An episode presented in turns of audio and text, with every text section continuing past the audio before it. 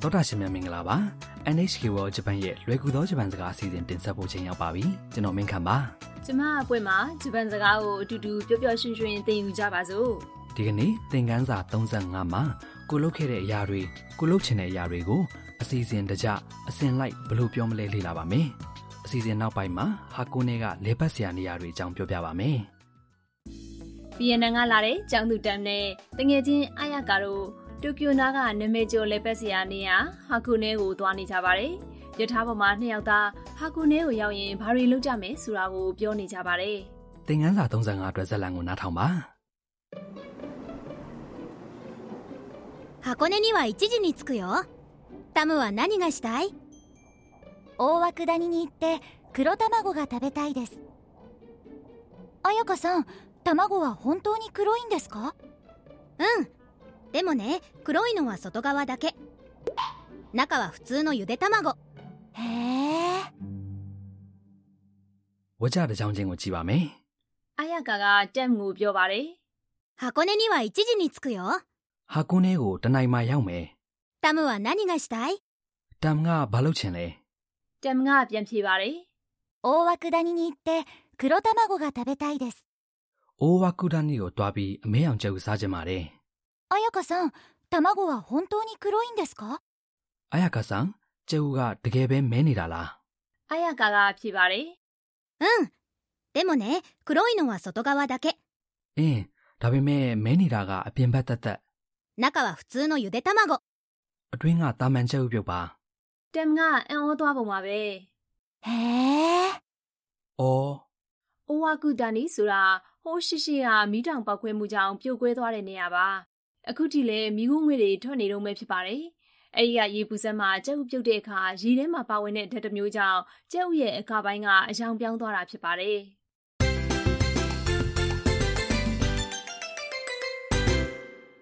ဒီကနေ့အတွက်အဓိကအသုံးတော့က 大涌谷に行って黒卵が食べたいです အိုဝါကူဒန်နီကိုတွားပြီးအမဲအောင်ကျဲဦးစားချင်ပါတယ်ဖြစ်ပါတယ်ဒီပုံစံကိုသိသွားပြီဆိုရင်နှစ်ခုနဲ့အထက်လှုပ်ဆောင်မှုတွေကိုအစဉ်အတိုင်းပြောတတ်သွားပြီဖြစ်ပါတယ်အဓိပ္ပာယ်တွေကိုကြည့်ပါမယ် 大涌谷 ဆိုတာနေရာနာမည်ပါသူ့နောက်ကညီကတွားမယ့်နေရာကိုဖော်ပြတဲ့ဝိဘတ်ပါ 行って ဆိုတာ 行く တွားတယ်ရင်တဲ့ပုံစံကရိယာဖြစ်ပါတယ် 黒卵 ဆိုတာအမဲရောင်ကြက်ဥ 食べたい ဆိုတာကကရိယာ 食べる စားတယ်ရေထိုက်ပုံစံဖြစ်ပြီးလှုပ်ချင်တဲ့ဆန္ဒကိုဖော်ပြပါတယ်ဒီကနေ့အတွက်အဓိကအချက်ပါနှစ်ခုနဲ့အထက်လှုပ်ဆောင်မှုတွေကိုအစဉ်တိုင်းပြောတဲ့အခါတဲ့ပုံစံကရိယာနဲ့ဆက်ပြီးပြောရပါမယ်ဇလန်ထဲမှာတမ်ကအရင်ဆုံးအိုဝါကူဒါနီကိုတွားမှာဖြစ်တဲ့အတွက် 行く တွားတယ်ရေတဲ့ပုံစံ 行って ကိုတုံးပြီး 大涌谷に行って အိုဝါကူဒါနီကိုတွားပြီလို့ပြောပါတယ်။အဲ့ဒီနောက် 黒卵が食べたいです အမဲရောင်ကြက်ဥစားကျင်ပါတယ်လို့တစ်ဆက်တည်းပြောလိုက်တဲ့အခါဝကြတစ်ကြောင်းနဲ့ဖြစ်သွားပါတယ် ပြန်နှားထောင်ပြီးလိုက်ပြောကြည့်ပါသောရရှင်တို့ရေ 大涌谷に行って大涌谷に行って黒卵が食べたいです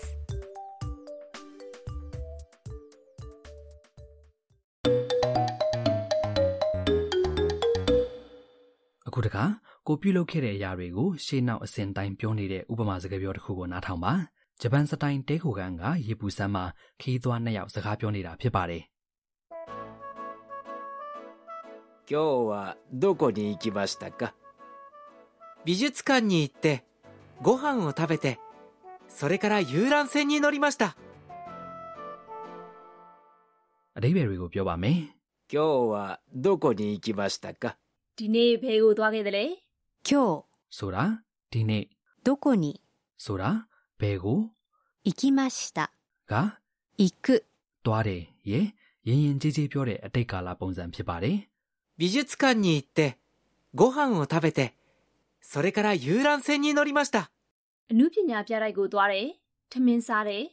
တယ်ပြီးတော့အပျော်စီးသင်္ဘောစီးခဲ့ပါတယ် 美術館に行く အနုပညာပြတိုက်ကိုတွားတယ် ご飯を食べる ထမင်းစားတယ် 遊覧船に乗る အပျော်စီးသင်္ဘောစီးတယ်ဆိုတဲ့လှုပ်ဆောင်မှု၃ခုကိုလုပ်ခဲ့တဲ့ရှေ့နောက်အစီအစဉ်တိုင်းဝကြတစ်ကြောင်းလေးနဲ့ဖော်ပြတာဖြစ်ပါတယ် 行く ။ယေထဲပုံစံက 行って、 ဘာ 食べる、 ရေထဲပုံစံက 食べて、 ဖြစ်ပါတယ် それから、 ဆိုတာကပြီးတော့လို့အဓိပ္ပာယ်ရတဲ့တမန်နာပါပြုလုပ်ပြီးခဲ့တဲ့ຢာတွေကိုပြောတာဖြစ်တဲ့အတွက်ဝကြအဆုံးမှာ 乗りました。 စီးခဲ့ပါတယ်ဆိုပြီးအတိတ်ကာလပုံစံကရိယာကိုသုံးလိုက်ပါတယ် သရရှင်တို့ပြန်နားထောင်ပြီးတဆင်ချင်းလိုက်ပြောကြည့်ပါ 美術館に行って、美術館に行って、ご飯を食べて、美術館に行って、ご飯を食べて、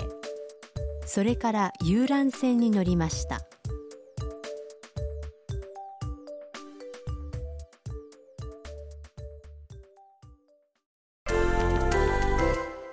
တခြားဥပမာတွေလည်းပြောကြည့်ရအောင်စနေတနင်္ဂနွေပိတ်ရက်ဘာအစီအစဉ်ရှိသလဲလို့တယောက်ယောက်ကမေးတယ်ဆိုပါစို့ထကားကိုတောင်တက်ပြီးဓာတ်ပုံရိုက်ချင်ပါတယ်လို့ဖြေရအောင်ထကားကိုတောင်တက်တယ်ကို 高尾山に登る、 လို့ပြောပါတယ် 登る、 ရေထဲပုံစံက 登って、登って、 ဘာဓာတ်ပုံရိုက်တယ်က 写真を撮る、 ရိုက်ချင်တာဖြစ်တဲ့အတွက် 撮りたいです。撮りたいです。 လို့ပြောရပါမယ်ကြိုးစားကြည့်ပါခင်ဗျာ 高尾山に登って写真を撮りたいです高尾山に登って写真を撮りたいです ဆက်ဆက်တိုးပွားစကားလုံးများကဏ္ဍပါအချိန်နိုင်ပြောပုံပြောနည်းကိုလေ့လာကြပါမယ်ဒီကနေ့ဇတ်လန်ထဲမှာအာယာကာကဟာကူနဲကို 一時、 တနင်္လာမှာရောက်မယ်လို့ပြောပါတယ်အချိန်နိုင်ကိုပြောတဲ့အခါကဏ္ဍရဲ့အနောက်မှာ じ、 လို့ထည့်ရပါမယ်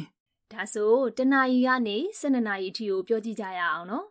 ၄နိုင်9နိုင်နဲ့9နိုင်ကိုပြောတဲ့အခါအတန်အတွက်ပြောင်းတဲ့အတွက်သတိထားကြပါခင်ဗျာ တနာရီ 一時、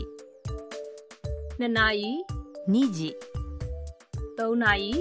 三時、 4နာရီ 四時、 5နာရီ 五時、 6နာရီ 六時、 9နာရီ 七時、 8နာရီ 八時、 9နာရီ 九時、 10နာရီ 十時、 17နာရီ 十一時、 12နာရီ 十二時、 မိနစ်ကိုပြောတဲ့အခါ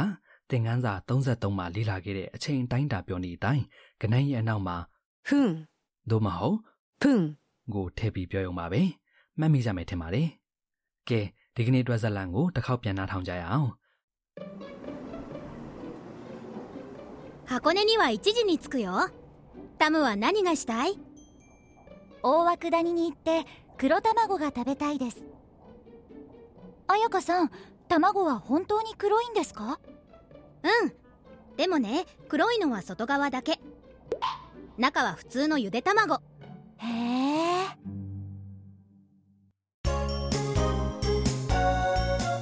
ミーヤーのトラベルガイド အခုဆက်ပြီးမိယာရဲ့ခီးသွွားလမ်းညွန်ကဏ္ဍပါဟာကူနဲအကြောင်းကိုမိတ်ဆက်ပေးပါမယ်